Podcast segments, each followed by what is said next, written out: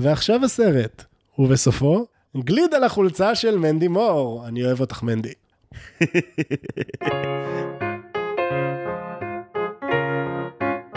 היי, אתם על דיסני פורמציה. אני זיו הרמלין שדר ואני משלים את כל הסרטים של דיסני עד שאני מגיע לגיל 32.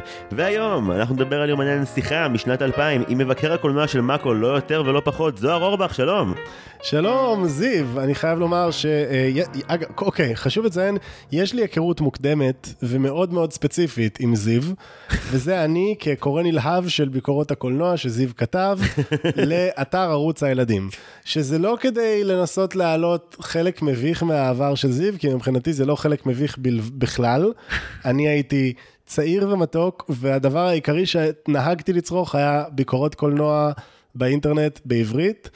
ושל זיו היו אה, משהו שכאילו פעם ראשונה שאני רואה באיזשהו תוכן שמונגש ישירות לילדים ישראלים, משהו שכאילו מנסה לדבר במקצועיות כנה, אוקיי? ולא, היי ילדים, אתם רוצים לשמוע על הסרט החדש של ברד פיט ואנג'לינה ג'ולי? לא, זה היה ביקורת מאוד כועסת, ממש אה, זעמתי על אנג'לינה, האשמתי אותה לגמרי, ברד אה, פחות חטף. איך אפשר לשכוח את הטקסט הזה, זיו? מתי זה היה? 2000 ורגע, אל תגיד לי, חמש? נכון. 2005, אני זוכר את הטקסט הזה עד עכשיו, ואני לא חושב שקראתי אותו יש, ישירות בשבע השנים האחרונות, אני פשוט זוכר ממש טוב את הפורמט, שהיה מכתבים שמיועדים לברד, לאנג'לינה, וכמובן לזוכת פרס האמי ג'ניפר אניסטון. כי, אה, לא, זה אגב, קודם היה מכתב לג'ניפר, שמנחם אותה על הפרידה, כי זיו היה צופה נלהב של Friends, נכון, אני משוכנע. נכון מאוד. ואז אה, מכתבים מאשימים לאנג'לינה, ו... Uh, כל זה כדי לומר שזיו מגיע לפואנטה מעניינת של קרה משהו רכילותי שמאוד הכעיס אותי כצרכן תרבות ומאחוריו לא הייתה יצירה מספיק חשובה או טובה שתצדיק את זה. אני אגב לא מסכים איתך זיו, אני אוהב את מרוויל ורד סמית, אבל יש לי הרגשה שבאנו לדבר כאן על סרט אחר. אני נורא מתרגש, אתה כנראה האדם היחידי שקרא את הביקורות שלי באתר ערוץ הילדים זוהר, ותראה כמה יפה גדלת, כמה... אה... הגולם עלה על יוצרו. יפה מאוד. אה, זוהר, יש לנו מנהג כאן, כל אורח ואורחת שמגיעים אה, צריכים להתמודד עם השאלון המהיר, זה לבדוק איזה מין צופה דיסני. אתה מוכן למשימה הזאת? לכבוד יהיה לי זיו. אוקיי, השאלון המהיר מתחיל מיד, שאלה ראשונה. top three שלך של סרטי דיסני. היפה והחיה. כן. מלך האריות. כן. ומרי פופינס. היי! מה המכנה המשותף שהביא אותך דווקא לפרק הזה? היום אני תוהה. אמ, כל זה, העניין הוא, ש, וזה רציתי לומר לך, היפה והחיה, מה שחשוב לדעת עליי כצופה קולנוע, ש, כ, ש, כצופה קולנוע ומאמין בדיסני, זה שהיפה והחיה הוא סרט האנימציה הראשון שהיה מועמד לאוסקר, ובגלל זה החיבה שלי אליו כילד גדלה.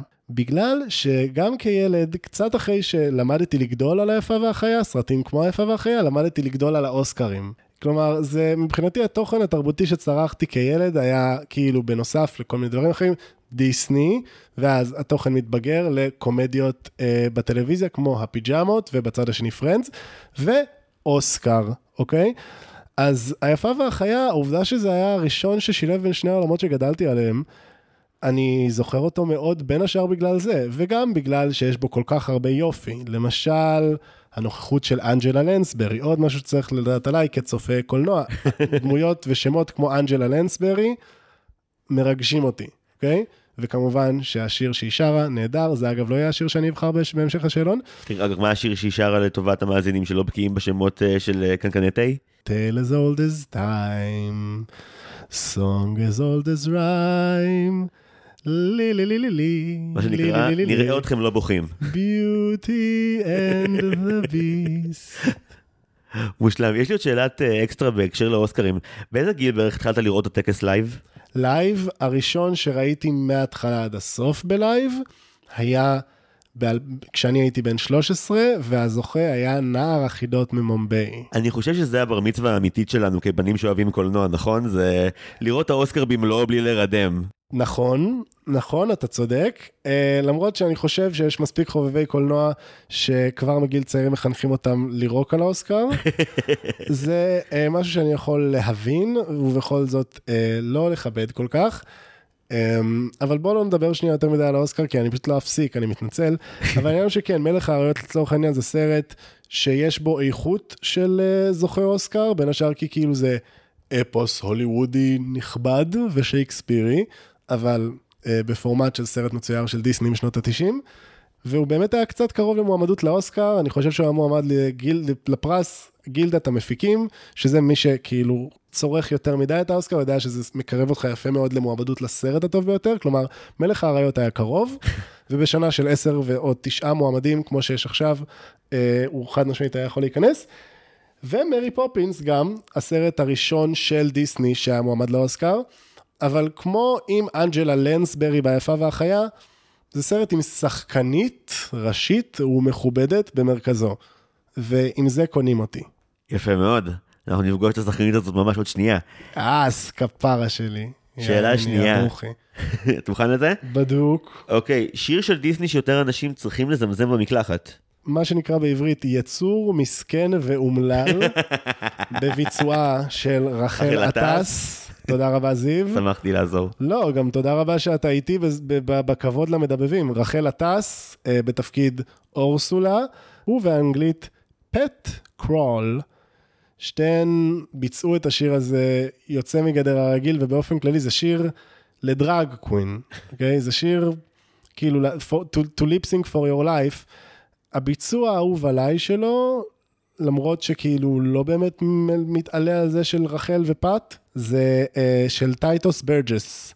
אה, מקימי שמיד. בדיוק, כל מי שצופה או צופה בקומדיה היפהפייה של טינה פיי, Unbreakable קימי שמיד, טייטוס ברג'ס, עשה לו גרסה יפה כשלעצמו, הוא בג- בגרסה של ברודוויי שיחק את uh, פלמבר. אני אנסה קצת לפחות, להפסיק עם הסוגריים, דרך אגב, אני מתנצל על זה זה. נטייה טבעית של כל אורח שמגיע לפה זוהר, פשוט כל כך כיף לדבר איתי, אתה חייב להמשיך לנצח. תודה זיו. שמחתי. תודה זיו. אמ, אז כן, זה שיר נבל, ואני נורא אוהב שירי נבלים, אה, ועל זה בהמשך. יפה מאוד. אוקיי, שאלה שלישית, שאגב אני ממש סקרן לדעת מה תהיה התשובה. סרט של דיסני שהוא underrated בעיניך. Underrated שגם אני חוטא בלא להעריך אותו מספיק, פשוט כי אני לא חושב שראיתי אותו מאז שראיתי אותו כילד, אבל כשניסיתי לחשוב על סרטים כאלה, הראשון שבאמת יכולתי לעמוד מאחוריו כ-underrated וכזה שאני יכול באמת לאהוב שוב, אם אני אראה אותו כמו שצריך, זה הקיסר נפל על הראש, סרט שאני צריך לראות שוב, כי אני חושב שיש בו המון דברים שאני אוהב בסרטים היום. וואו, כמות ה... הזכרת טינה פיי, כמות בדיחות השנייה ורבע שלו, מדהימה. כן, וזה משהו שכאילו למדתי להעריך דווקא כמי שהתבגר מדיסני, כלומר, כמי שרואה סיטקומים אמריקאים חדשים כמו סקראבס, 30 רוק, זה סרט שיש בו איכויות קומיות מהסוג שכאילו, שאני אוהב עכשיו כאיש גדול, והוא לראות את זה בפורמט שגדלתי עליו, יכול להיות די next level. אני חושב שזה בגלל באמת גם שמרק דינדל, הבחור שעשה ספציפית את הקיסר ואז גם את צ'יקן ליטל, נשאר בדיסני, אבל הוא הכי הבחור שראה את שרק ואמר, היי, אני הייתי אמור לעשות את זה קודם. אוקיי, חבר'ה, עוצרים הכל, שוברים הכל, אני, אני לוקח את זה הכי רחוק שאני יכול. הוא מגזים, וזה כיף לנו נורא פתאום לראות את דיסני בורחים מהתבנית המוכרת למקום מוזר ומשונה ודבילי, אנחנו נורא אוהבים דביליות. כן, הסרטים של דיסני, אה, ואגב זה מעניין, כי כאילו ב live action, כשהם, פשוט אנחנו עוד מעט עומדים לדבר על אחד מסרטי ה live action הבולטים של דיסני, מעניין שכמצוירים בתחילת שנות האלפיים, הם הרשו לעצמם להיות מאוד מעניינים, מאוד אנושיים, ואפילו להתכתב עם קצת איך שקולנוע אינדי אמריקאי נראה. הרי קו העלילה של סטיץ', של לילו ואחותה בלילו וסטיץ', די נראה כמו דרמה אמריקאית נעימה מתחילת שנות האלפיים, וכשהם ב live action, לכאורה משחקים במגרש שבו אמורים לקחת אותך ברצינות, הם עושים את הכי שטויות דביליות בנאליות לילדים קטנים, ושוב, כשהם מיועדים לכאורה לילדים הקטנים, הם מרשים לעצמם להיות פתאום מאוד בוגרים, וכשהם בגדולים, זה כאילו, מה, אתם כאילו משודרים לפני או אחרי הארתור? לא הבנתי. הבנתי, מילים קשות. מילים קשות מפי זוהר אורבך. אוקיי, שאלה רביעית. אה, דמות אחת של דיסני שהיה מוטב לו מוחקים מההיסטוריה לצמיתות? וואו, כשאתה עכשיו כל כך אבסולוטי לגבי זה, אני באמת מרגיש רע שבחרתי בו, כי יש לו את אחד הסולואים הטובים של דיסני, נו. לפו, ב- ב- ביפה והחיה. מה אתה אומר? אותו בחרת להכחיד? להכחיד פשוט בגלל שבכנות, וזה אומר משהו לא, לא טוב עליי כצרכן של דיסני, הוא לא, אני לא זוכר מספיק דמויות שאני שונא בדיסני. וכאילו יש לי כאלה אה, ב, ב, בדברים שצרחתי ואהבתי, אבל בדיסני זה כאילו, מהרוב I really don't give a fuck, ובכל מי שאני זוכר יש לפחות איזושהי איכות, כי הרי יש סיבה שאני אזכור אותו. אבל אפו ברמת התפקוד העלילתי שלו בסרט טוב כמו היפה והחיה, הוא לא תורם שום דבר. הגגים שלו לא זכורים לי כמצחיקים, הוא זכור לי מהסיבה היחידה שגואלת אותו וגורמת לי פשוט לעבור להימנעות מהתשובה לשאלה הזאת, זה שיש לו את אחד השירים היותר טובים ביפה והחיה. כאילו, גסטון זה שיר שלו, ושל תושבי העיירה, ואולי היה אפשר פשוט לתת אותו לתושבי העיירה ועדיין להיפטר מלפו, ואני לא אומר את זה בשנאה לדמות הזאת. אתה אשכרה עכשיו אתה אומר תוכנית הפעולה שבה אתה יכול גם להכחיד את לפו וגם שלא יהיה לזה חסרונות. עכשיו אני חושב על זה, כן. וואו. אתה תהיה מצביא דגול עם, עם הטקטיקות האלה. תשמע, יש לי, אני, אני, בתור מי שטיפס על חבל בעבר, בתור מי שעבר קיר בעבר, אני מודיע לך, חגיגית, שאני לא אהיה מצביא טוב בכלל בכלל. ככה אתה מדמיין מצביעים אנשים שמטפסים על חבל? זה לא, מה שכאילו אבל... נפוליאון והחבר'ה עשו כל היום? לא, אבל אם אנחנו מדברים במונחים הישראלים, אתה יכול להיות מצביא רק אם מתישהו טיפסת על חבל, אני לא אוכל להוביל אף כיתה לקרב. אני פשוט יודע שאולי פחות יותר, יותר ברמה המנהלתית, מנהלתית, אני יודע שאם ניפטר מלפו ביפה והחיה, נצטרך לעשות משהו עם השיר הטוב שנתנו לו, וזה פשוט להעביר אותו למקהלת הכפר, שעושה עבודה מאוד טובה בשיר הפתיחה, נכון, בבל. זה מוסכם. אז כאילו, הם כבר הוכיחו את עצמם כאנסמבל, אפשר לתת להם את השיר הטוב הזה, ועדיין להיפטר מהדמות הלא חיונית הזאת. שאלה חמישית, מה הכי דיסני בעיניך? הכי דיסני בעיניי זה הנבלים. שזה האמת היא סגווי מעניין למה שבאמת דיסני בעיניי. כי קודם כל, אני חושב על מה שאני הכי אוהב בסרטי דיסני, בכנות, אלה הנבלים. כי לעיתים קרובות נותנים להם להיות גדולים, מצחיקים וכיפים, היא הרבה יותר מלגיבור. עכשיו, יש כאלה שגם מתחרים, כן? כאילו, אני מעדיף את אלאדין על פני ג'פר, אבל מצד שני, אין שום עולם שבו אני אראה עכשיו את בת הים הקטנה, ואני ארצה לבלות ערב עם אריאל על חשבון אורסולה. אני רוצה לשבת לדרינק עם אורסולה, אני רוצה שאורסולה תהיה חברה שלי, אוקיי? Okay? אבל היא תבגוד בך ותוביל למותך בדרך כזו או אחרת. אם אני אשב עם אורסולה, היא לא תעשה את זה, כי אני מספיק חכם לדעת לא להיכנס לאפיק עסקי עם האישה הזאת. עם ההיבריס הזה אתה ממש יכול להיות נסיכת דיסני בעצמך, אדוני. אני לא תחשוב טוב טוב לפני שאתה נכנס למיטה עם אורסולה. אני לא רוצה לקבל שום דבר מאורסולה, אני רוצה פשוט לדבר איתה על החיים, סבבה? זה מה שיש לי מאורסולה. כנ"ל מליפיסנט. אני לא, אני אזמין את מליפיסנט, זה העניין, זה ההבדל ביני לבין שאר הדמויות ביפהפייה הנרדמת. אני רוצה שמליפיסנט תבוא למסיבה שלי. כן, אני יודע שאורסולה היא לא בן אדם טוב, אני גם יודע שמליפיסנט צריכה לעבוד על כאילו לקיחת דברים בפרופורציות. סבבה? אבל אני נורא, זה, זה מה שזה עושה לי את זה בדיסני, באהבה. בסדר גמור, בהסכמה. הגענו לשאלה האחרונה. טראומת ילדות שדיסני חרטו בך לצמיתות? אני בטעות אמרתי את זה לזיו בהתוואטסאפות שלפני השיחה, אני מתנצל על זה. הנטישה של השועל בשועל והכלבלב, היא רגע ש... הרי הקשר שלי עם השועל והכלבלב, אני לא מכיר את, הס... אני לא ראיתי את הסרט הזה מההתחלה עד הסוף אף פעם. זה מסרטי דיסני שזיו, אני משוכנע שנתקלת בתופעה הזאת כבר, שימשו כרקע ל...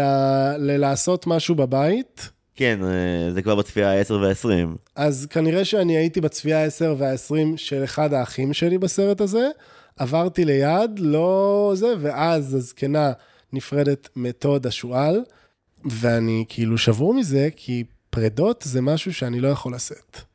זה שהמקהלה פשוט חולה במיידיות, כאילו הייתה פה כל הזמן ורק חיטה לקיום שלה, כדי לומר את השורה הכי עצובה שאפשר. ראיתי את, ה, את החצי דקה הזאת כמבוגר איזה 200 פעם אחרי שצפיתי בו לקראת הפרק שלו. זה היה כאילו עוצמות של עצב שלא הכרתי בדיסני. Uh, כן, ואתה יודע מה, בגלל שידעתי שאני אבחר בתשובה הזאת, רציתי רק לעמוד מאחורה ולראות אותה עוד פעם, uh, היום, uh, לפני, ה, לפני הפודקאסט.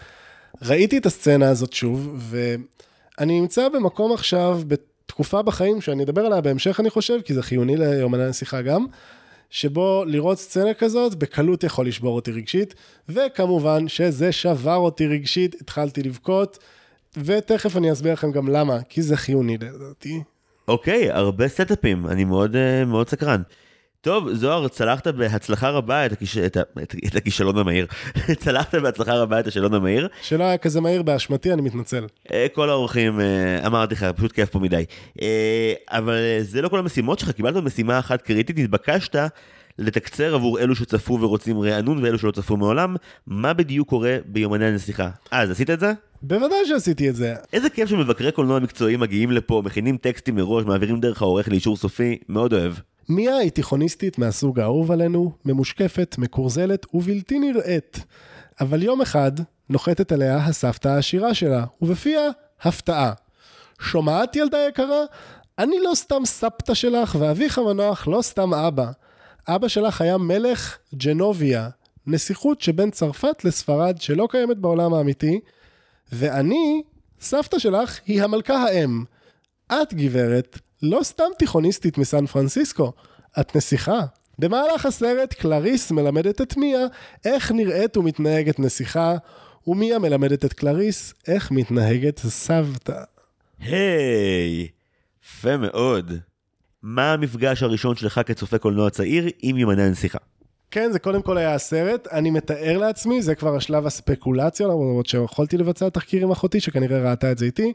אני ראיתי את הסרט כי מישהו בסביבתי כנראה הזמין את הקלטת, שאל את הקלטת מבלוקבאסטר. אמ, העותק שלי אגב היה מענק הוידאו, תמשיך. ואז קראתי את הספר, אוקיי? Okay? כמו הסרט כנראה, גם הספר היה אה, ירושה מאחותי הגדולה, אה, שראתה אותי קורא את ספרי יומני הנסיכה כל הילדות, ולכן לא הופתעה כשיצאתי בפניה מהארון. קראתי כמה וכמה ספרים של סדרת יומן הנסיכה, בטעות אמרתי שאת כולם, כי מתברר שהיא המשיכה אה, במלוא עוז עד שלמיה היו ילדים משלה. אה, וכמובן שקראתי והבנתי כמה הספר לא מדויק לסרט, ואני חושב שכן ראוי שנייה לדבר גם על זה בהקשר של יומן הנסיכה. בשמחה. אה, ואז, וגם ראיתי את הסרט השני. עכשיו, כן, אני לא מבין למה לא שאלת אותי על זה לפני זיו, כי זה באמת לדעתי משהו שגם אני לא יכול שלא לדבר עליו, על זה שהסרט השני איתי, בליבי. אתה חובב? אני בעד המון דברים שקרו שם, לפחות שניים. אוי, לא, זוהר, הדלת היא שם, אתה מוזמן לסגור אותה אחריך, בבקשה. ביי. סתם, נו, תטען את הטיעון שלך, הכל בסדר. מה, זה מרחב בטוח. לטובת יומנה הנסיכה 2? אתה תדמיין את הסיפור על, כן, הוא היה חלק ממך, למה, למה הוא היה חלק ממך ומה קרה בהמשך?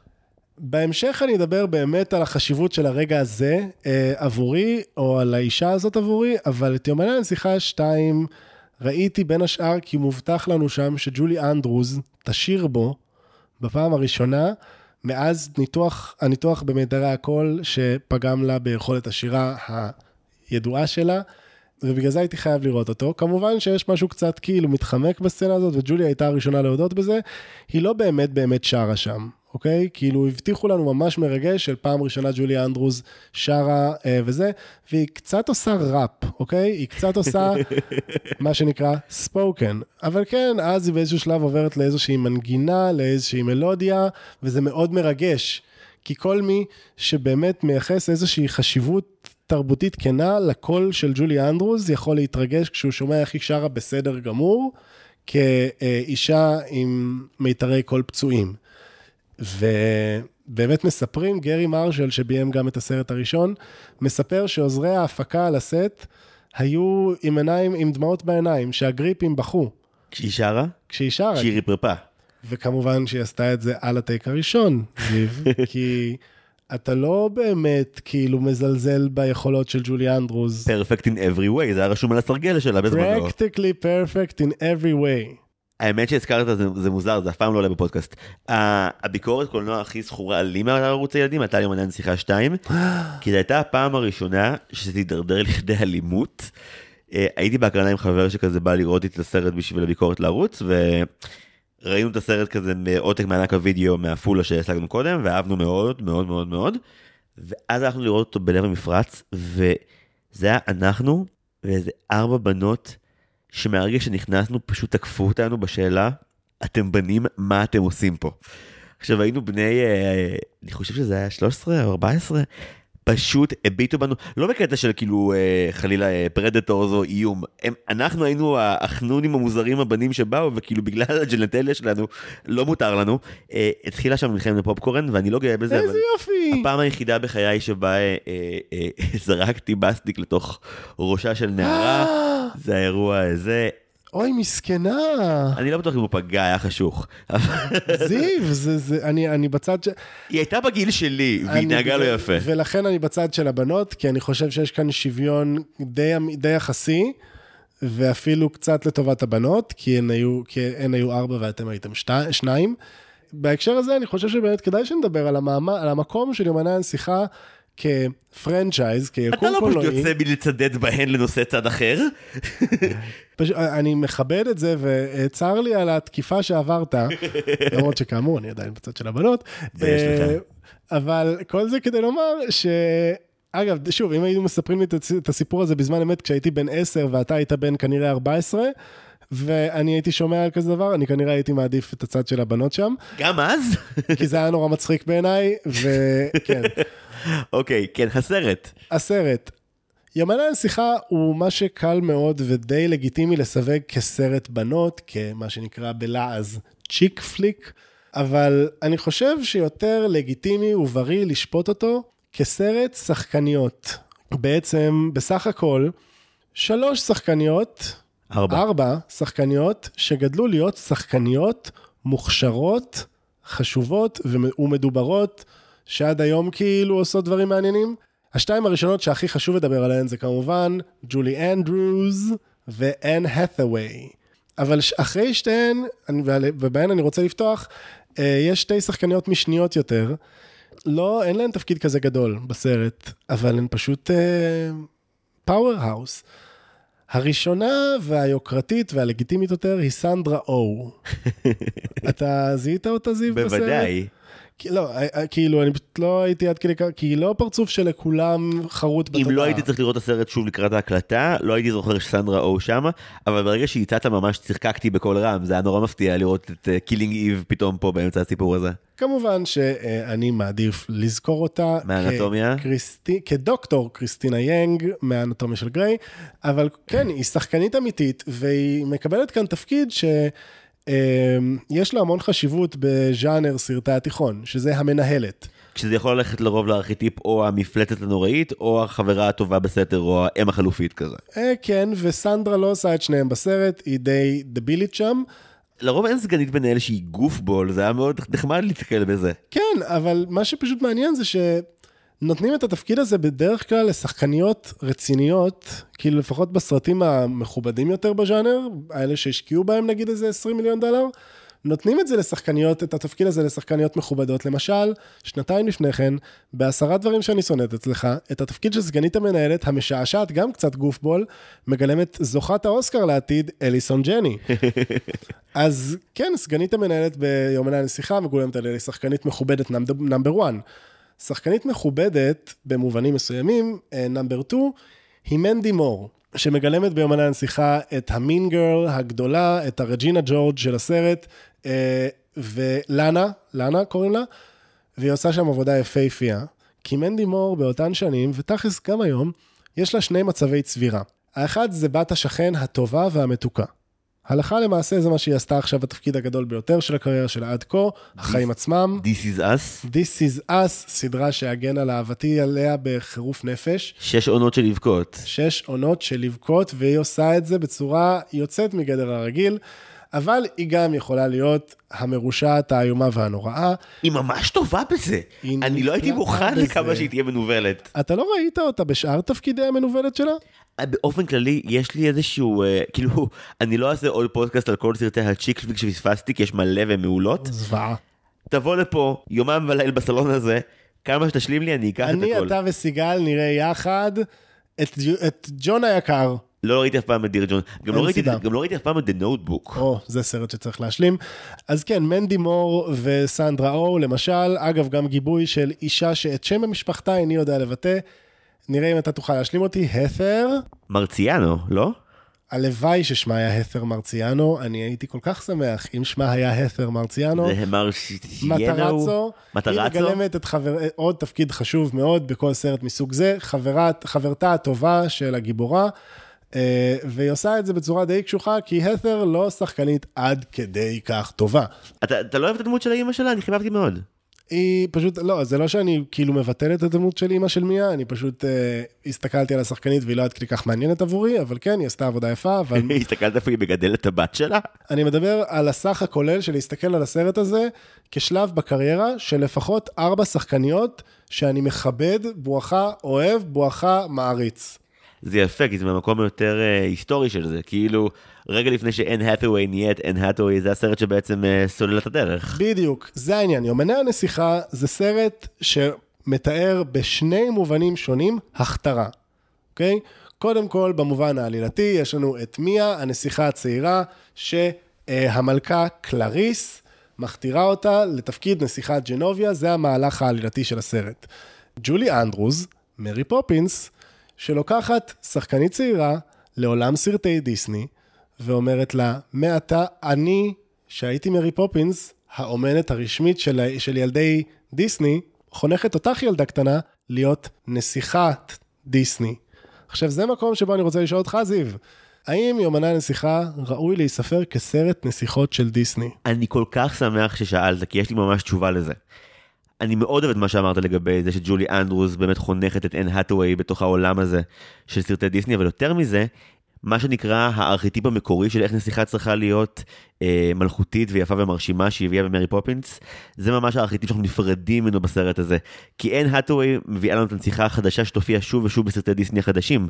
הקלאמזית, הקלאמזית, הלא בטוחה בעצמה, זאת עם התסביכי ש- סינדרום מתחזה. אנחנו נראה את זה עוד שנייה גם אחרי זה גם אצל רפונזל, ואנחנו נראה גם קטעים כאלה בפ- בפרוזן, אנחנו נראה את זה אחר כך. אנחנו נפרדים לאט לאט מהבחורה המושלמת שיכולה לעשות הכל ולדבר עם הציפורים. וזה אדיר שזה קורה דווקא פה, ולכן זה לגמרי סרט מעבר. האם אפשר לקרוא לזה סרט נסיכות? אני חושב שאין לנו כאן אה, נבל מרשים. כמו שיש ברוב סרטי הנסיכות. תשווה את, את האימא הרעה מש, משלגיה ואת מאדר גודל ל, למי? לספר? לספר המלכותי? לא, אתה תשווה אותה לתיכוניסטים הרעים? ללנה, בגילומה של מנדי מור. רגע, שנייה, עצירה חשובה. יש את הספרים, אוקיי? שהם מתקיימים כספרי נוער שהלך להם בסדר אצל כמה תיכוניסטים בארצות הברית, כשהספירה של כמה תיכוניסטים היא, נגיד, מספיק מיליונים שיקראו את הספר מתוך 300. אה, וכל זה כדי לומר שבספרים אה, יש קטע, יש באחד הספרים קטע שבו עושים סרט על מיה, אוקיי? ושם אני מתאר לעצמי, אני לא יודע מתי הספר הזה יצא, יכול להיות שזה כאילו היה נבואה שהגשימה את עצמה, אני מאמין שלא, אני מצטער שלא עשיתי את המחקר בנוגע לזה. אבל אני יודע מתי הם כן, זה פרודיה על הספר, הסרט הראשון. הספר הראשון והסרט הראשון יוצאים מאוד חופף, כשהספרים יוצאים מ-2000 עד 2009, ואז עוד אחד ב-2015. בקיצור, כשעושים סרט בספרים, זה לגמרי דחקה על הסרט הזה. ושם הסופרת בעצמה מכניסה בעצמה שמיה אומרת, אף אחד שם לא נראה כמו שהוא היה אמור להיראות בחיים שלי. הש- השחקנית לא הזכירה לי אותי, השחקנית של לילי לא הזכירה לי את לילי, השחקנית של לאנה הזכירה לי את לאנה, בול, והיא עשתה עבודה ממש טובה. או שאני מערבב קצת בין מה שאחותי אמרה על הספרים למה ש... אני מכיר, אמרה אני, על אני, אני מכיר? פאנפקט אחר שדומה לזה, אחרי שהסרט השני יצא, היה אזכור באחד הספרים המאוחרים בסדרה, לסרט השני ספציפית, ומי אומרת, כן, אין לי מושג מה זה היה. היינו צריכים לברר בדיוק על מה, על מה היא דיברה כדי שה... לא, לא, אני ממש יודע שמק אבוט ספציפית על הסרט השני הייתה עוקצנית. ממש. בסרט השני יש רגע אחד מהמם. הנסיכה מיה עוברת במצעד ברחובות ג'נוביה, ונמצאת שם ילדה קטנה, שבוכה, כי שאר היתומים בבית היתומים שלה צוחקים עליה שהיא פיקולינה, שהיא ילדה קטנה. ומיה אומרת לה, זה לא בסדר, אני רוצה להביא לך ולכל החברות שלך כתר, ומעתה אתן תהיו נסיכות ליום אחד. וברקע אנחנו שומעים את קלי קלרקסון שרה, I'll spread my wings and I'll learn how to fly. לה לה לה לה לה לה לה לה לה לה לה make a wish, לה לה לה and break away. זה באמת נשאר איתי, ואני גם, מה זה אין בי קמצוץ של בושה לגבי זה. אתה מבין אבל מה, מה, מה ברגע הזה מיה עושה, נכון? היא הופכת את הסדר החברתי בבית היתומים ויוצרת כנופיות חדשות. היא יוצרת מקור כוח חדש לריב עליו. אגב, מאוד יכול להיות שהיתומות האלה שנהיו נסיכות ליום אחד, חטפו מכות אחרי איזה עשר דקות וה- והכתרים שלהן נשדדו מהן. מאותן ילדות שהתבריינו עליהן מלכתחילה. רק אומר, אפשרות. אני חושב שכדאי שנדבר על העובדה שבעצם הסרט הזה, יומני הנסיכה על תיכוניסטית שהופכת לנסיכה, ממציא לנו מדינה, שזה המקום לשאול אה, איפה ג'נוביה הייתה בשואה? ממש, ויותר מה מזה, מה? מה הנושאים הצבאיים והפוליטיים שמעסיקים את ג'נוביה? יש שורה אחת על זה בימני הנסיכה הראשון, השורה היא, אה, בת השגריר התקשרה, מסתבר שהיא רגישה לאור, לנוצות של אווז. זהו, נוצות של אווז זה האזור המסוכן שהסרט מתהלך בו פוליטית. האמת שגם מדברים יפה מאוד על זה שהם נורא גאים באגסים שלהם. נכון, נכון, יש... אה, אה, מה זה? זה ממש סטייה עם האגסים שם, לא? אתה קצת אומר שהסרט עושה מין פרידה יפה מאיזשהו ארכיטיפ של הנסיכה אצל דיסני, וזה מאוד יפה אקדמית, אבל הסרט הזה עושה משהו די דוחה, וזה מקדם את ה makeover. עכשיו, סבבה, אני מבין שכולנו קצת רוצים שיהיה לנו איזה יום אחד שבו יהפכו אותנו לחתיכים, אוקיי? לצמיתות. בסדר, אני מבין למה זאת פנטזיה לגיטימית. אבל מה שקורה ביומני הנסיכה זה שבעצם אנחנו מצופה מאיתנו להאמין שאין את'ווי בתחילת הסרט היא קונפה שלא תאמן, ולא, היא כאילו השיער שלה מקשה והגבות שלה לא אלגנטיות, אבל who gives a shit, זאת אין את'ווי, היא מהממת, אוקיי? ואז עובדים מאוד קשה כדי להפוך אותה לכוסית על חלל, וכאילו בסדר, היא נראית יותר טוב, אבל כאילו... יש, ל, יש לנו מושג כמה בעיות דימוי גוף ודימוי עצמי זה יוצר הדברים האלה? כאילו, יש ילדות שמרגישות חרא בגלל שהן גלדו על דברים כמו יומני הנסיכה, אוקיי? אני מסכים במאה אחוז שיש מאה אחוז ענייני דימוי גוף בעייתיים, והסרט הזה שונא- שונא טלטלים באופן בלתי נסבל, ממש. אבל זה חלק מהמורשת של סרטי נסיכות, לדפוק לנשים צעירות את דימוי הגוף עד גיל מאוחר ללא תקנה. כן, בגלל זה אין לי כל כך כבוד ליומני הנסיכה כסרט נסיכות. כאילו, ראוי שנדבר עליו בגלל שזה סרט על נסיכות שעשו דיסני, אבל זה יותר מזה, זה סרט מהתקופה שבה סרטי דיסני עשו סרטי live action על תיכוניסטים, אה, שחיים ביקום המקביל שבו תיכוניסטים לא מאוננים. אה, אתה לא יודע, מה, הדמות של מייקל, המטומטם שמנגן על M&M, זה ברור שהוא מאונן ממש הרבה. קודם כל, אם אני הייתי עם מייקל בתיכון, אני הייתי מאונן על מייקל. אבל גבר שיש מתנהג באופן כזה משפיל לשוקולד, לא ראוי למבט שלי. M&M זה לא שוקולד, לא. אה, מה? M&M זה לא זה טעים. השוקולד של המלחמות, הומצא במיוחד כדי שחיילים יקבלו אותו במשלוח אווירי, אין כדי שום יימס דבר בדרך. מעורר תיאבון. זה שוקולד חכם יותר מהשוקולד שאתה אוהב, אדוני. ומה שתיארת עכשיו זה לא נשמע טעים או נעים באיזושהי צורה. זה שוקולד שהורג וייטנאמים, מה אתה מדבר איתי יכול בכלל? להיות שב off screen מייקל מאונן, הוא לא אומר על זה מילה, כמו בסרטי תיכון אמיתיים, כמו למשל, אני לא רוצה לדמיין, שב... אני לא רוצה לנחש שבמועדון ארוחת הבוקר מדברים על אוננות, למרות שסביר שכן. אה, לא אוכל בבוקר יש קטע שבו מטרידים מינית דמות on screen, זה זה העניין, הסרט. שביומני הנסיכה אין שום מין, אוקיי? רגע, רגע, לא נכון. בטח שיש. המילה סקס מוזכרת, מה מה ג'וש עומד לבצע עם מיה עד שמגיע המסוק? הוא עומד דוקים? לנשק אותה. שזה ידוע זה כל מה שמעניין את first מיה. base, הוא מנסה להתקדם הלאה. מה, זה מה הוא שהוא לא עושה. אומר, אבל הוא לא מכיר בזה שגם יש second או third base, וזה מה שבסרטי תיכון אמיתיים שמיועדים ישירות לתיכוניסטים עושים. מדברים על איברים ספציפיים, על הדברים שאתה רוצה לעשות איתם, על הדברים שאתה רוצה לעשות עם האיברים הספציפיים של בני המין השני או בנות המין השני. אתה לא, זה, אני לא אומר שזה חסר ביומני הנסיכה, אני פשוט אומר שזה ז'אנר ספציפי, או גל קולנועי ספציפי בהוליווד, שקצת ירד ממנו בשנים האחרונות. אני יכול להגיד לך גם למה לדעתי. יומני הנציחה הגיע קצת מוקדם מדי.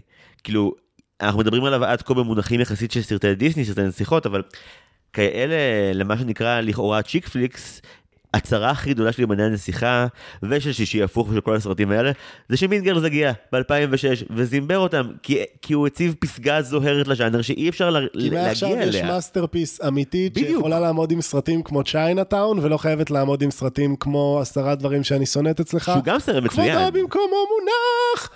בדיוק, כבודה במקומו. אבל כן, אני חושב שכשאתה רואה סרט כמו Mean Girls אתה כזה, אה, זה מה שיומני הנסיכה ממש קיווה לעשות. אני לא חושב שזה לגיטימי לדבר על, כאילו לומר שיומני הנסיכה קיווה לעשות משהו כמו Mean Girls, כי אין שם פוליטיקה אמיתית, אין שם, זה סרט לילדים, אוקיי? זה סרט באמת ל-10 עד 13, ל-8 עד 14, אוקיי? זה לא סרט, ל... זה סרט שחושב רק על הגילאים האלה, ולא מנסה גם לפתח משהו אצל הגילאים האלה. שכן, אני אומר את זה לגנותו, זה לא סרט עד כדי כך טוב, סבבה? כאילו, יש המון דברים מעניינים לדבר עליו בהקשר הזה, אבל כסרט ששווה להמליץ עליו, פחות כסרט שמככבת בו אחת הנשים האהובות עליי בעולם, חובה לדבר עליו. התר מטרצו, סתם. לא, התר מרציאנו. התר מרציאנו, חברתנו בנתניה. לא, אני מדבר כמובן על דיים ג'ולי אנדרוז. עכשיו, כמו שכבר דיבר, אמרתי קודם, כאילו ג'ולי מככבת בסרט שהוא לא רק אחד מהסרטים הכי טובים מהילדות שלי, סרט שהוא חלק מהילדות שלי. מרי פופינס הוא באמת masterpiece אמיתית של דיסני, כאילו, יעני, תחשבו שזה חוקי לומר שאחד מהסרטים הכי טובים ש, אה, של הוליווד ב sixties הוא סרט של דיסני, סבבה? זה מרי פופינס, והיא שם. עכשיו, בשבילי, כילד בן שמונה, ג'ולי אנדרוז היא כוכבת הקולנוע הראשונה שלי. זאת הפעם הראשונה שראיתי אה, סרט, והפעם הסרט הוא צלילי המוזיקה, ואמרתי, בואנה, זאת האישה מהסרט הקודם שראיתי ואהבתי. זה המקום של ג'ולי אנדרוז, בדרך שבה, ש, בדרך שבה אני תופס כוכבות קולנוע באשר היא. וכאילו, אני לא יכול לשכוח לה את זה. וזה סרט של ג'ולי אנדרוז, יומנה אין שיחה, זה סרט שצריך לחשוב עליו ליד מרי פופינס. ושם היא מככבת עם אנ האת'ווי, שעושה עבודה טובה יותר ממנה. או, חיכיתי לטוויסט, אוקיי. ג'ולי אנדרוז היא אייקון, היא פסל, היא מונומנט לכישרון ולחן וליופי ולקסם. אנ האת'ווי היא שחקנית ממש ממש טובה. האם היא אחת השחקניות הגדולות של דורנו? לא. בין השאר כי היא לא מספיק עושה דברים, היא לא עושה מספיק דברים שהם ש... לא להיות אין האטווי פשוט. או פשוט כאילו, לא, מתי הפעם האחרונה ראית אותה בסרט ממש טוב? כאילו, אוקיי, עשתה עכשיו את הסדרה עם ג'רד לטו שלא עניינה אותי, או שלא משהו שכאילו אנשים יזכרו בעוד שנתיים, אני חושב. והפעם האחרונה שהיא עשתה משהו שאנשים זכרו שנתיים אחרי, היה כשהיא זכתה באוסקר על עלובי החיים, בתפקיד שג'ולי אנדרוז, אהבתי, לא הייתה מגלמת בחיים. כי אין האת'ווי מרשה לעצמה להתלכלך, ועד כמה שהיא ילדת או בואכה נסיכת דיסני גדולה ביומני הנסיכה, היא לא, היא לא נקייה בסרט הזה. היא עושה שטויות, היא מצחיקה, יש לה תזמון קומי יפהפה. היא מעוררת הזדהות והיא חיננית, ולא, אני לא מאמין לה שהיא לא מושכת גם כשהיא מקורזלת וגם כשיש לה גבות וגם כשיש לה משקפיים. באמת סיקוונס מרושע. אבל היא שחקנית. לא אתה לא יכול להניח מצלמה ליד גרי מרשל ולא לצפות שהוא ירצה לעשות סיקוונס makeover, האיש חולה. אתה לא יכול לשים מצלמה בידיים של גרי מרשל בלי שהוא ישים במרכז העניינים אישה יפה. גרי מרשל ביים את הסרט הזה אחרי, כאילו, משהו כמו, אני מאמין, 11, 12 שנים אחרי שהוא ביים את, לא הלהיט הכי גדול שלו, אלא אחד הלהיטים הכי גדולים שיש, אישה יפה. אה, סרט שגם הוא משהו ש... אנשים, אנשים ונשים, פמיניסטים ופמיניסטיות, יותר ממני, יתחרפנו עליו במידה גדולה מאוד של צדק, כי זה סרט מאוד מאוד בעייתי מוסרית, אבל הוא גם סרט שהוא לא סתם הוליוודי, הוא כל מה שהוליווד מייצגת. הוא במאי מעשו, או עבד כבמאי פעם בצורה שבה לא עובדים יותר בהוליווד.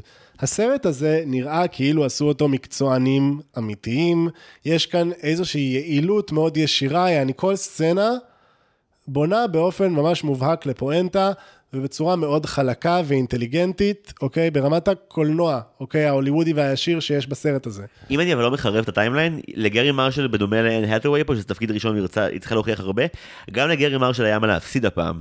זה קורה ממש אחרי שהוא נופל בענק עם תפוס תקלה, זוכר את זה?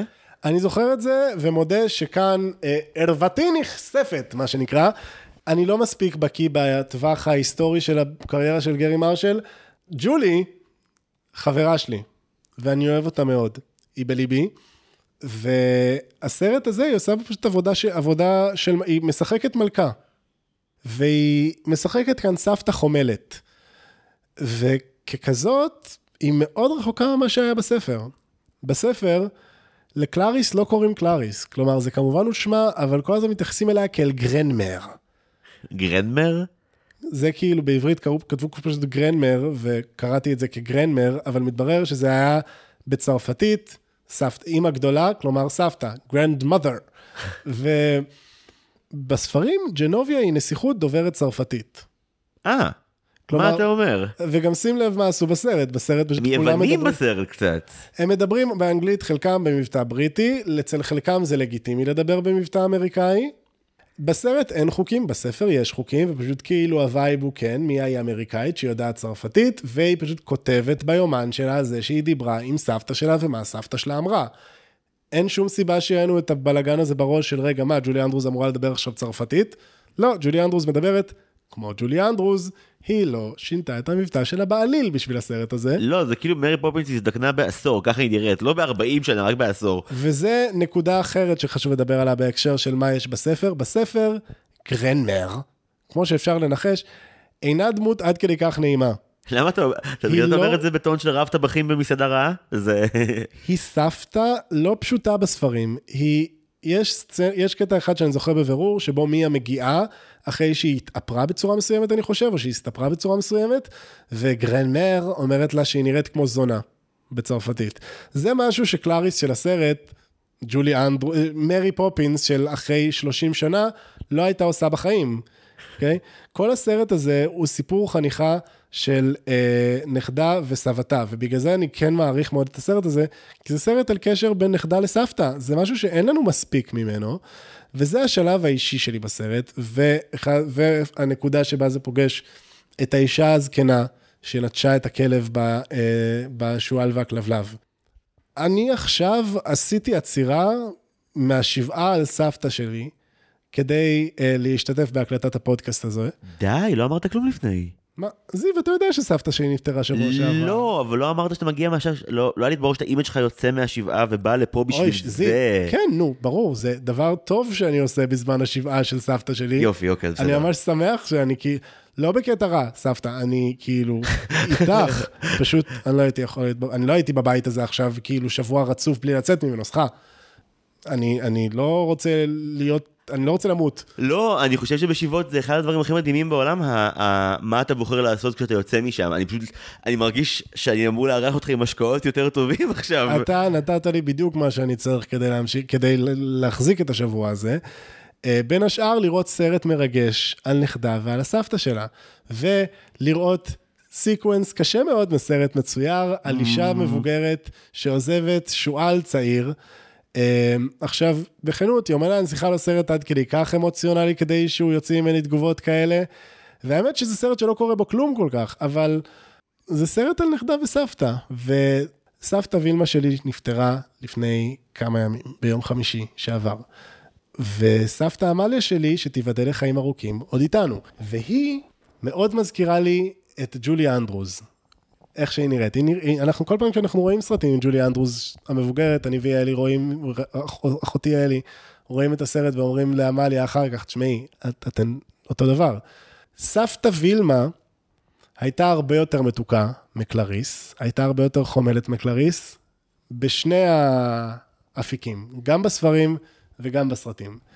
אה, והיא הייתה מטגנת לנו שניצלים, והופענו עוגיות, ומתקשרת כל פעם כשהייתה סיבה לדאגה, וגם כשהיא סתם רצתה לדבר, ואהבתי אותה מאוד, ואני עדיין אוהב אותה. אה, ובגלל זה יומני הנסיכה יושב עליי קצת אה, השבוע. אבל אני גם רוצה לדבר על עוד משהו בהקשר של יומני הנסיכה, וזה סרט שהוא... רגע, אני מפריע לך לשנייה תן אחת. בראש, תן בראש. לא, אני מפריע לך רק כדי. להגיד שאני חושב שפשוט נגעת עכשיו ב- בדבר שהכי עובד לי בסרט הזה. קלריס היא לא סבתא של מי יש יחסים איתה מלפני הסרט.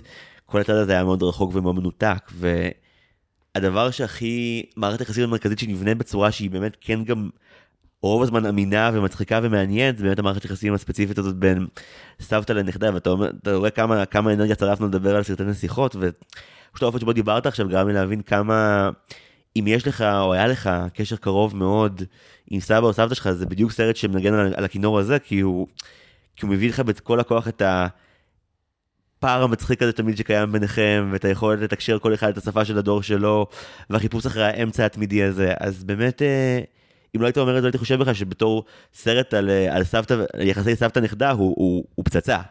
כן, תשמע, יש סצנה בסרט הזה יומני הנסיכה, שדי משקפת משהו שקרה לי עם סבתא וילמה. אה, הייתי בדרך לסבתא עמליה, ג'וליה אנדרוז מצהלה, ואני כאילו נכנסתי במדרכה והיה לי פאנצ'ר והיא פשוט תפקדה בצורה מאוד קרת רוח, ואוקיי, סבבה, אנחנו עכשיו- הולכים ברגל לעמליה, כאילו, זה לא היה כזה רחוק, אבל עדיין באמת כל הכבוד לה. אה, וגם הפאנצ'ר תוקן, זה היה ערב אה, תובעני מאוד, אבל זה, אה, הצלחנו. יש כאן סצנה די דומה ביומני הנסיכה, שבה כאילו מיה נכנסת בטעות בחשמלית בסן פרנסיסקו. קלריס, כאילו, קרת רוח בכנות, היא תפקדה יותר טוב מסבתא שלי במצב הזה, היא כאילו הצליחה לחסוך למיה דוח, וכאילו הכתירה שני שוטרים חביבים בסן פרנסיסקו. אחת הסצנות הטובות של הסרט. סצנה מצוינת. דרך אגב, יש קטע, יש קו עלילה עדין מאוד, נעים מאוד וחכם מאוד בסרט הזה, לפחות ביחס ל, להתיילדות המובנית שלו, וזה הרומן של קלריס עם ראש צוות האבטחה שלה, ג'ו, בגילומו של הקטור אליסונדו. ש- שמותר לקרוא לו ג'ו, אך בהחלט אסור לקרוא לו ג'וי. זה מין רומן נורא נורא סקסי, וכאילו, לתת לג'ולי אנדרוס להיות סקסית בסרט של דיסני זה הארדקור, כמובן שהיא נשארת לבושה. זה גם הרומן היחידי בסרט שיש בו ליבידו. כפרה, בוא, תשים עכשיו את מייקל היהודי שמנגן אה, בקלידים עם. מיה. כאילו, בוא, או ג'וש הזה, ג'וש איף, אוקיי, זה אגב מקרה ממש קלאסי, שבו הסרט טוען שביקום של הסרט מישהו ממש חתיך, למרות שהשחקן נראה בסדר. אתה מכיר אבל את ה backstory? לא. זה ה fun fact הכי אהוב עליי בכל הענייני- בכל ענייני יומני הנסיכה. אוף, הייתי צריך לקרוא יותר על ה fun facts. לא, לא, לא, דווקא טוב שיש לי משהו להפתיע אותך איתו. יש. פשוט, יש לו היסטוריה נפלאה של נבל בדיסני. כי הוא עושה את הדמות של ג'וש ברייאנט ביומני הנסיכה, והוא עושה את סיד ב Toy Story. I know, I know. Oh my God, oh איזה פחד. הוא פשוט מטיל מורא על גיבורי דיסני בשני עשורים רצוף. כן, אבל אני מרגיש שאנחנו קצת שמים בצד את הנבלית הטובה של הסרט, שכאמור, היא לא באמת מקשה על משהו בעלילה, כלומר, אי אפשר לקרוא לה אנטגוניסטית. אפשר, אפשר. לא, לאנה לא עושה שום דבר שבאמת כאילו... היא קוראת. לפפראצי לצלם את הילדה בת ה-15 בעירום. אה, לא, זה לא... אני אומר, היא נבלית, היא לא אנטגוניסטית, כי כמכשול בעלילה הוא די מינורי. נכון. כאילו, מכשול אמיתי בעלילה, כן, שוב, אין, אין, זה אגב אחת הבעיות האמיתיות שיש לסרט הזה. אין מכשולים במסע של מיה בדרך לנסיכות, לא מכשולים אמיתיים. כי מי היה מכשול של עצמה, so called. וזה מה שבאמת, כאילו, אחד הדברים שבבסיס של הדמות של העובדים, כאילו, היא, אחד הדברים שעובדים הכי טוב ביומני הנסיכה, והיא כאילו פרוטגוניסטית מאוד מוצלחת, וכאילו יש לה בסיס מאוד טוב כפרוטגוניסטית, ומה שבאמת, מה שנקרא באנגלית drives her home, זה הביצוע של אן האת'ווי, שכאמור, עושה פה עבודה מדהימה. היא התמסרה להומור הדבילי של הנפילות בצורה מעוררת יראה. ספציפית יש קטע אחד נורא מצחיק בסרט, אה, תזהה אותו, זה כשהם רבות אה, היא ולילי בחוץ במגרש כדורסל. בדוק, וזה אגב גם אחד הקטעים הטובים של גרי מרשל, שצילם טייקים ארוכים של ההתמסרות של לילי ומיה, בצורה שכאילו נותנת קצב מאוד יפה לסצנה. ואז בשלב מסוים אן האטווי נופלת ונחבטת בישבן ונקרעת מצחוק וזה אה, לא בתסריט זה לא נפילה. חיים יש- שלי, יש אלף שתמיד נפיל- תצחקי. יש אלף מקווה נפילות. שלא כאב לה. יש אלף נפילות בסרט הזה שתוכננו, זו לא אחת מהן. וזה נשאר בסרט כי היא פשוט נופלת ונקרעה מצחוק שהיא סוף סוף הצליחה להיכנס בנעלי הדמות שלה ברמה הזאת. היא מיה נהדרת, למרות ששוב, אני לא זוכר מספיק טוב את הספרים כדי לומר כמה היא מדויקת למיה הספרותית, אבל היא עושה בה, היא עושה בה כשלה. והיא באמת אחד התפקידים הטובים של אן. אה, ושוב, זה מה שגורם לי להסתכל על הסרט הזה לא סתם ככאילו, לא יודע, אחד הסרטים הזניחים בקריירה של לינזי לוהן פרי ילדות רעות. לא, זה גורם לי להסתכל עליו כעל סרט שמאחד לתוכו כמה וכמה שחקניות טובות, עם גוף עבודה ששווה לדבר עליו. גם, כאמור, אתר מרציאנו, שהיא לא שחקנית עד כדי כך טובה או מעניינת, למה צירפת את הדבר הזה? אבל היא עובדת, אוקיי? והיא עובדת בסרט הזה גם. זה... ואגב, סליחה, בהמשך לסיפור של אן את'ווי, לסרט הזה בא אחר כך אח קטן, קצת יותר בוגר ממנו, שהוא בעצם אותו סרט. והוא, זיו, תגיד בעצמך, אתה עושה ממש יפה עם השפתיים. מה אתה אומר? זיו, זה השטן לובש את פראדה, נשמה שלי. אני השלמתי אותו רק שנה שעברה, אותו השלמתי. גיבורה, כן? מגושמת, ולא אסתטית לפי קנה המידה המקובל, בואכה מכוערת, שבאה למקום, שמגיעה למקום יוקרתי, היא מגיעה למגזין אופנה נחשב על הווג, אוקיי? ושם יש לה מנטורית קשוחה, בגילומה, של מריל סטריפ. של שחקנית גדולה וזוכת אוסקר. אמ, אוקיי. כלומר, ג'ולי אנדרוז היא כאילו שתי מדרגות או מדרגה אחת מתחת למריל, אוקיי? או אפילו, יש שיגידו שהיא באותה מדרגה והכל, כי- וזה משהו שאני אקנה, אני אקנה את אני- זה. אני מאלה שיאמרו זאת. אני כאילו קונה ואפילו חותם על זה, סבבה, מריל וג'ולי בתיקו, אוקיי? שתיהן חונכות את אן האת'ווי ועושות לה את ה makeover. הן עושות לה את ה makeover. אני לא חושב שהשטן לובש פראדה יותר טוב מיומני הנסיכה, נטען את זה בראש אני- מורם. אני לא איתך בזה בכלל. יומני הנסיכה זה סרט שיושב אך ורק למסיבת פיג'מות בגיל 12. ומה רע בזה? לא, שהשטן לובש את פראדה יושב בסדר גמור במסיבת הפיג'מות של ילדות בנות 12, וגם יושב בסדר גמור בסינמטקים, יושב מצוין באקדמיה, ופשוט כיף לראות אותו גם כשכאילו אתה הומו בן 26 שחזר הביתה להורים ועשה שם כביסה בגלל שהוא מכון- מפחד ממכונת הכביסה שלו ביד אליהו. בתרחיש המאוד היפותטי הזה, שאנחנו לא מתחייבים אליו כמובן. יושב פרפקט הסרט הזה, וכאמור יש בו, ומריל יותר טובה שם, כאילו משאין טובה ביומני השיחה, או שג'ולי טובה ביומני השיחה, כלומר מדובר בסרט יותר טוב, אוקיי? פשוט, זה העניין, זה גם ההתבגרות של אן עם השנים. היא מתחילה כתיכוניסטית מקורזלת שהופכת כאילו לנסיכה זוהרת, ומתבגרת משם ל... משם הופכת לאיזה סגנית עורכת נוצצת בניו יורק, ואנחנו משם מגיעים לאוסקר של אן את'ווי. על עלובי החיים, ששם היא הרשתה לעצמה להיות שחקנית יותר טוטאלית משג'ולי אנדרוז אי פעם ניסתה, או רצתה להיות. אני מעריך את כל זה מאוד, אבל אני אגיד לך מה, אני חושב שאחרי יותר מ-60 פרקים אה, דיסני סוף סוף הצליחו לשנות משהו ב-DNA שלי, ומשהו במתקתקות הקלה שאתה יודע, ברגעים האלה שהיא מגיעה בגשם לנאום בט- בטרנינג מול הוועידה היוקרתית, משהו דווקא במתקתקות הלא לגמרי אמינה, אבל שהיית רוצה להאמין שהיא כן קרתה, יותר קונה אותי מאשר אה, סיפורי הבחורה הנקייה מגיעה לפגוש אנטי גיבורה ומתחילה להתלכלך. כאילו, ראיתי כל כך הרבה סיפורי אנטי גיבורים ואנטי גיבורות בעשור האחרון שזה באמת יצא לי מהתחת, ואני ממש לפעמים נהנה לחזור לבייס שבו יש לי גיבור או גיבורה, הפגמים הם בתוכם אבל זה לא מה שמגדיר אותם, והם יעברו עכשיו תהליך מאוד מאוד ארוך עד שהם יתגברו על זה בצורה הכי אולד פאשנית שיש, שוב, סרט נסיכות, אבל אגב, המסע שמיה מקבלת לעשות הוא מסע הרבה יותר מעניין מכל אה, נסיכה שקדמה לה. קודם כל היא ערה רוב הסרט, שזה כבר שדרוג משמעותי. דבר שני, זה לא שהיא צריכה אה, להשיג את בחיר ליבה, בחורים רבים עליה mind you, ויותר מזה, יש עונג מסוים בכך שהיא לא רק אה, אה, גוברת על ה douche ומצליחה להשיג את הבחור שהיא רוצה, היא גם מצליחה על הדרך לתקוע לחברה של ה douche גלידה עמוק לפרצוף, עונג מוחלט לחלוטין. אני כל כך אוהב את הגלידה הזאת. חבל על הזמן. אני גם כל כך אוהב את העבודה של שלוש, של שלוש השחקניות מארבע השחקניות האהובות עליי בסרט, בסצנה הזאת, שזה כמובן אן האת'ווי, משם אנחנו עוברים למנדי, שמגיבה כל כך יפה לגלידה הזאת, ומקנחים בסנדרה או, שמסתכלת על מנדי ואומרת לה, וואי, ממי, לא, היית צריכה לומר משהו, לא שמעתי אותך כשכאילו קיבלת גלידה לציץ. אני מתנצלת, לא, לא ראיתי את כל מה שהרגע האת'ווי עשתה, לא יודעת מי עשה את זה, ביי. אני לא, אני לא מבינה, me no speaking English.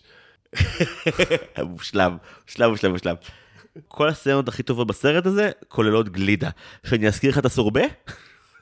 אני לא כל כך, הסורבה זה sequence שאני מכבד. זו סצנה שאני מכבד. זו הבחנה נורא נכונה לגבי גלידה בארוחות באמצע מנות חמות, אני ממש מבין את התוכן הזה. סצנת סלפסטיק לא כל כך, לא עבד לי עד כדי כך טוב. מה, היא מבוצעת ממש כהלכה. הכל טוב, היא כאילו עושה, עוברת על החוקים יפה, אבל היא לא... היא לא עד כדי כך מצחיקה אותי, למרות שאין עושה שם כאמור עבודה מהממת, כי היא פשוט נפלאה בסרט הזה, באמת. אה, מה שכן, אם אתה רוצה שנייה לצחוק במשהו אידיוטי, שמעסיק אותי ואני כבר חודש רוצה לסמס לך את זה ואני מתאפק ממש, לא, זה ממש קטן ומטומטם. עדיין מרגש אותי. פשוט נורא מצחיק אותי שהפתיחה של ימני הנסיכה והפתיחה של שמונה מייל זו אותה הפתיחה. פשוט גיבור שמנסה לפתוח פה מול מיקרופון ומקיא, זה פשוט, זה אותו דבר. זה באמת היה יכול כל כך להצחיק אותי ולרגש אותי אם אני הייתי רואה את שמונה מייל. לא ראית אף פעם? הפרסונה של אמינם לא אה, מדברת אליי, הפרסונה של בריטני מרפי קצת מדברת אני אליי. מבין, אני מבין, כאילו זה כבר השלב שבו אם תצפה בזה עכשיו, זה לא יעשה כלום. זה לא עניין, יש בדיוק דבר אחד שמעניין אותי בשמונה מייל, וזה שהסרט הזה זכה באוסקר על השיר המקורי הטוב ביותר, למרות שהוא לא, השיר עצמו לא בוצע אה, בטקס, כי האקדמיה ביקשה מאמינם לצנזר את ה fuck. את Be Yourself, והוא אמר, זה לא be fuck yourself. נו, את, lose yourself. תודה רבה. סליחה, אנחנו ביומני הנסיכה, ואם יש מסר שאנחנו צריכים לקחת מיומני הנסיכה זה be yourself. ו-look, if you had one shot, one opportunity, להיות המלך של ג'נוביה. איפה הם היו בשואה? טוב, אה, האמת שאם כבר דנים בזה, נתקלתי באיזשהו vid- video essay שמאוד תקף את הסוגיה הזו ביומני הנסיכה, העניין של... היא נורא מהר מסובבת את זה לכיוון של oh my god, סבתא את הורסת לי את גיל הנעורים, אבל לפני זה, בכל הסצנות שראינו, ניכר שהיא הייתה ממש שמחה לעוף מסן פרנסיסקו ולא להראות את פניה שוב בתיכון הזה לעולם. אני, אפרופו סן פרנסיסקו, קודם כל כן, אה, לא נראה שיש לה סביבה כל כך נוחה להיות בה, וכנ... וגם לפי, אם אנחנו מתייחסים לסרט השני, טוב לה יותר בג'נוביה מבבית ספר שלה. זה קצת מבאס אותי ברמה המעמדית, כאילו בסרט, בגלל שהיא בבירור לומדת בבית ספר פרטי יוקרתי, כשהיא לא בחורה כל כך עשירה. ולכן בהתאם הם נקטו באיזה משחק שהם החליטו עליו מראש, שבו הם מתעלמים ממנה ומתיישבים עליה? מה זה השטות הזאת? אני- זה בדיחה שממש במרחק של 20 שנה אתה כזה, רגע, רגע. מה, היא ממש גבוהה, לא. אנשים לא יושבים על אנשים כי הם לא שמו לב שהם היו שם, הם פשוט... זה לא ככה עובד. מפיקים בהוליווד עובדים ככה, אבל... אבל הם כן שמים לב לאישה הזאת. כן, כאילו, בהחלט שמים לב. עליה, וזאת גם דרך נורא משונה להטריד מינית מישהי. העניין הוא שהסרט גם באמת לא מבין מה כל כך מכוער וטראומטי במה שקורה למיה עם צלמי הפפראצי. הסרט אומר, בוא נעשה בזה שימוש יעיל, מתוך מחשבה של אחרי יום זה יעבור לה והיא תהיה סבבה, נכון? זה הגישה. כאילו, הם מתייחסים לזה כאל עוד מה שנקרא בלעז, bump in the road, ולא, זאת חוויה מצלקת. זה לא, מה- כאילו, זה פשוט מראה כמה קלות ראש מסוכנת יש בסרטי ילדים מיינסטרימים לגבי כאילו דברים איומים ונוראים מסוימים. זה גם שניים רצוף, זה אוהל אחד ואז אוהל שתיים, היא כאילו לא, זה לא אחד אפילו. היא באה להתנשק עם הבחור, ואז כמובן שהוא מנסה לנצל אותה, ואז היא הולכת לאוהל האחר שבו יגנו עליה, ואז מורידים את האוהל והיא fucking מגבת. כן, אגב, למשל בספרים, אני מכיר את לילי בתור, אני יותר זוכר את לילי כלילי שבספרים, ששם היא כאילו מאוד שמאלנית ו-outspoken, יש גם, לזה... גם פה היא מאוד שמאלנית. כן, פשוט זו שמאלנות שהוליווד הכירה בה אז, שזה בגדול לדבר על, על איכות הסביבה, שכן, יש בזה משהו מאוד שמאלני עוד יותר היום, אבל אז זה היה כאילו משהו מאוד ונילה לדבר עליו, במקום לדבר על כאילו פמיניזם ומדינות עולם שלישי ומעורבות אמריקה בסכסוכים זרים. טוב, זה האולפן שהביא לך את הסופרג'יסטיות במרי פופינס, למה. ציפית? ברור, כל זה כדי לומר פשוט שלילי הייתה אמורה באמת להבין שיש משהו נורא במה שעבר על מיה. כן. כאילו, והיא כולה, את לא באת לתוכנית שלי, זה, כן, היא הוטרדה מינית על ידי שני אנשים שונים, בצורה פומבית מאוד. זה לא אבל הפעם הראשונה בסרט שבה לילי מפשלת ברמה הזאת כחברה. אה, גם בספרים היא חברה גרועה יותר. אה, כן? כאילו, כשמיה מגיעה פעם ראשונה עם השיער החלק, והיא פשוט אומרת לה, מה עשית לעצמך? והיא כזה, היי, אחות, תפרגני קצת. בחורה השקיעה, שמה, שמה, היא שמה מסקרה, עשתה דברים. יש מסות מאוד מעניינות על איך שהעולם המערבי מתייחס לטלטלים. אני לא עומד להסגביר לך טלטלים, זיו. אתה ממש יכול. לא, אני לא עומד להסגביר לך טלטלים. אני לא חייתי כאדם מטולטל, אני חייתי כאדם שאגב, השיער שלו גם לא הסתדר אידיאלית, אבל כאילו, אתה אומר יש- שכל האנשים שמטלטלים הם אנשים שהשיער שלהם לא יסתדר באופן אידיאלי, זוהר. אני אגב טועה בגלל שיש אנשים מטולטלים שבאמת צריכים לומר תודה לאלוהים על מה שהוא עשה לפריזורה שלהם, אבל כאילו הסרט הזה הוא באמת טלטלופובי בצורה ברמה בלתי נסבלת. בורדרליין אנטישמית. ממש, ממש, וגם כאילו, אין טלטלים יפים. כל מי שיש לו טלטלים צריך לעקור לו אותם מהשורש, זה ג'ולי אנדרוס אמרה. יש בזה משהו קצת אנטישמי באותה מידה, יש בזה משהו קצת גזעני באותה מידה, כאילו, כן, אוקיי? זה לא סבבה, הגג הזה. קודם כל המהלך קלאר קנטי המאפן של אוקיי, שני דברים ורבע והיא עכשיו אישה אחרת, הוא מטופש. אה, יותר מזה גם, מהרגע הזה כל ההתנהגות שלה בסרט נהיית לא רציונלית, כי בסופו של דבר היא בחורה נאה שנהייתה בחורה יותר יפה במונחים של התיכון שלה, או של החברה שבה היא מתקיימת. ואז מה המפגרת עושה? מה היא באה עם הכובע הכי מושך תשומת לב שקיים? זה באמת פשוט מישהו צריך, אה, או ש... אני מקווה, אני חושב שמה שקרה שם, אני רוצה לדמיין מה שקרה שם רגע, וזה שמחלקת ההלבשה הציעה משהו אחד אה, לגרי מרשל או למפיקים, למשל, לא יודע, כובע בייסבול, וכאילו אמר לו, תבואי כמו אנג'לינה ג'ולי בסרט על שנות ה-20. ממש. אני מצטער, זה היה רפרנס לסרט אחד של קלינט איסטוד שלא הרבה אנשים זוכרים, שבו אנג'לינה ג'ולי מסתובבת עם כובעים מאוד מאוד משונים כל הזמן, וכועסת על זה שמישהו חטף לה את הילד, אה, והחזיר לה תקופת- ילד אחר. תקופת הכובעים היא אצל קלינט איסטווד.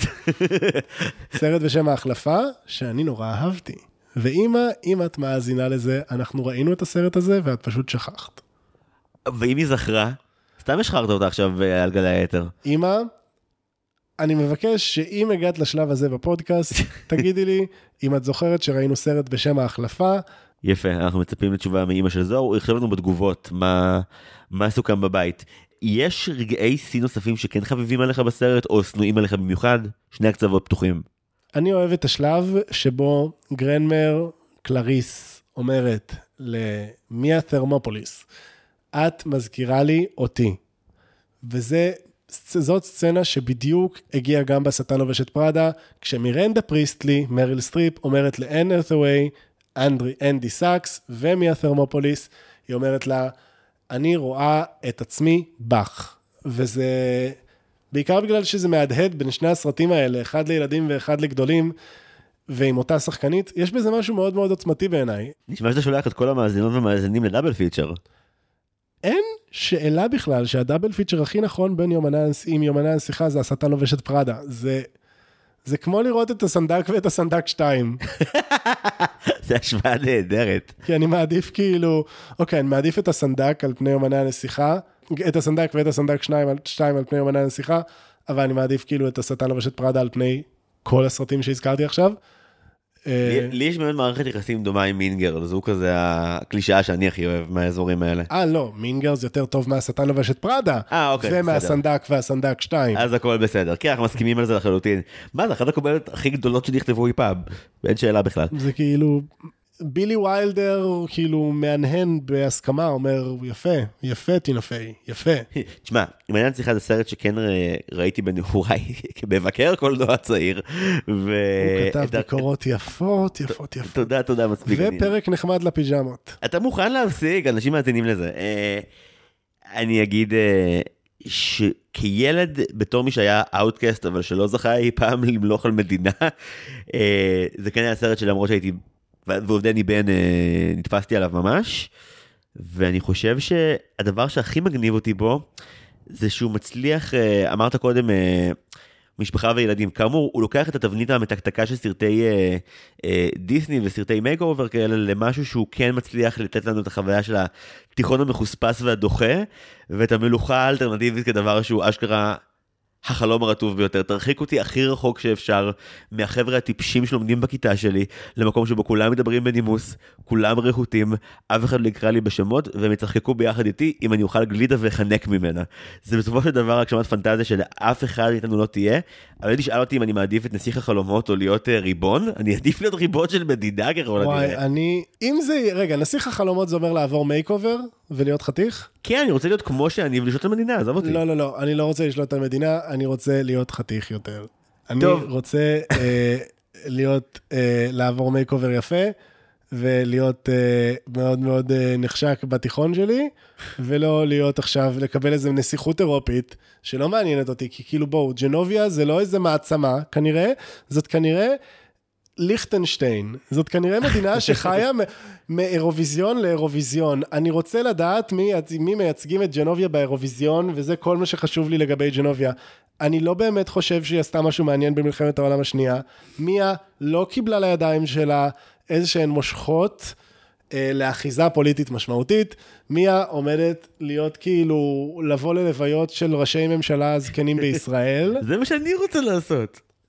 אני פשוט רוצה שכל החתיכים האחרים בתיכון יסתכלו עליי ויגידו, בואנה, בטח הוא מזיין בכמויות. אבל אם זה או זה, או שג'ולי אנדרוס תהיה סבתא שלך. שג'ולי אנדרוס תהיה סבתא שלי, אבל בשיתוף פעולה עם עמליה ווילמה. חד משמעית, לא במקום, לא אמרתי לא במקום. במקום, לא אני לא במקום. אליזבת הרלי בהרי מחושפת לי, אין פה לופ הולס. לא, לא, לא, לא, לא, אני רוצה שג'ולי תהיה עוד סבתא שלי, למשל שהיא תהיה כאילו עוד דוד, עוד אח... יעני, אם לסבתא שלי הייתה עוד אחות, והיא הייתה ג'ולי אנדרוז, שוב, אני לא לוקח כאן אף אחות לסבתא שלי, אני מוסיף לסבתא שלי אחות, והאחות ההיא היא ג'ולי אנדרוז, וג'ולי אנדרוז היא הדודה שלי, אוקיי? בנוסף לשאר הדודות שלי. אתם מבינים שאני חושב על זה שאולי בן משפחה שלי יום אחד יקשיב לפודקאסט הזה ויעלה, ואני עד כדי כך מחושב. אני מדמיין אותך כותב בין כיתה ז' לכיתה י"ב על השולחן שלך תרשימים שבהם ג'ולי אנדרוס היא בת משפחה פוטנציאלית ואתה בודק את כל אילן יוחסין. לכבוד יהיה לי. הוא לא מאוחר. איזה כיף יהיה לי אם ג'ולי תהיה זה, הסבתא שלי, אחת מהן. וואי, אם יש לנו מעריצי אה, ג'ולי אנדרוס במאזינים, double feature של לשמוע את הפרק שלנו על מרי פופינס ואת הפרק הזה. אני אגב, צריך לשמוע את הפרק גילוי- שלך עם גיל- סיגל, גילוי נאות אגב, אני כאילו... הנכד של של מרי, של ג'ולי אנדרוס. תמיד הייתי. לא, אני... הפרק הזה, אתה יודע, אנחנו עושים את הסרט- את הסרטים המצוירים הרשמיים של דיסני. זה לא סרט רשמי, אני לא אמור לעשות אותו. זה אבל- הסרט live action הרשמי, הארוך, בלי אף אנימציה הראשון שאתה מדבר עליו בפודקאסט? אני חושב שכן, יהיו עוד כמה שכבר הוחלט עליהם מראש. אם זאת, אם היית שואל אותי על סרט גרוע של דיסני, סרט של דיסני שצריך למחוק, לא על דמות של דיסני שצריך למחוק מעל פני האדמה, הייתי מבקש למחוק את כל אליס בארץ הפלאות, אבל אני רוצה לשנות את תשובתי מהשאלון. אני עותר לשינוי תשובתי עכשיו? עכשיו, רגע לפני הסוף? אוקיי. להוריד את הכובען המטורף של ג'וני דפ מאליס בארץ הפלאות. יש לי הרגשה שהכובען הזה היה אחד הקטליזטורים להידרדרות הקריירה של ג'וני דפ. והידרדרות היחסים עם אמבר הרד. הכל קרה ביחד אחרי אליסה בארץ הפלאות. אני חושב שבאמת הכובען הזה הביא דברים רעים לעולם, ומעבר לכל, מה ש... כל, לכל הנזק שהוא עשה לג'וני דפ, איש שהיה לי אליו כבוד פעם, אוקיי? הוא הביא לנו את מה שקראו לו בכתוביות בעברית הריקוד ריקה, שזה באמת משהו שכאילו טים ברטון ספציפית צריך לעמוד עליו למשפט, אבל ג'וני צריך באמת לעמוד למשפט עליו בכאילו כשותף לדבר עבירה, בגלל שזה היה כל כך מחריד.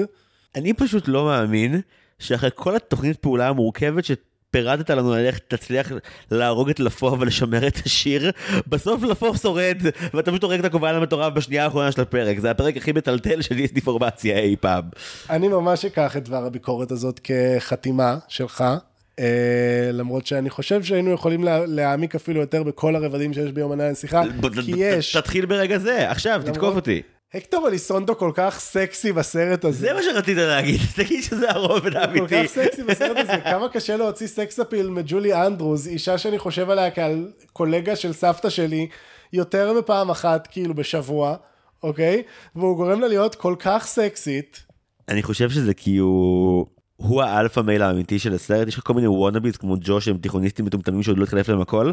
ומייקל שיכול לעבוד כאילו יפה מאוד כשהוא יסתפר וילך לחדר כושר. ויפסיק להטיל את כל האשמה לבחורה מבוהלת בת 15 שרגע הודיעו לה שהיא נסיכה של מלכות. אה לא, אני הייתי נעלב גם במקומו, לא, לא מסננים בן אדם. וואי, מייקל, תסתום את הפה שלך, אני, אני בז לו ול-M&M שהוא משפיל.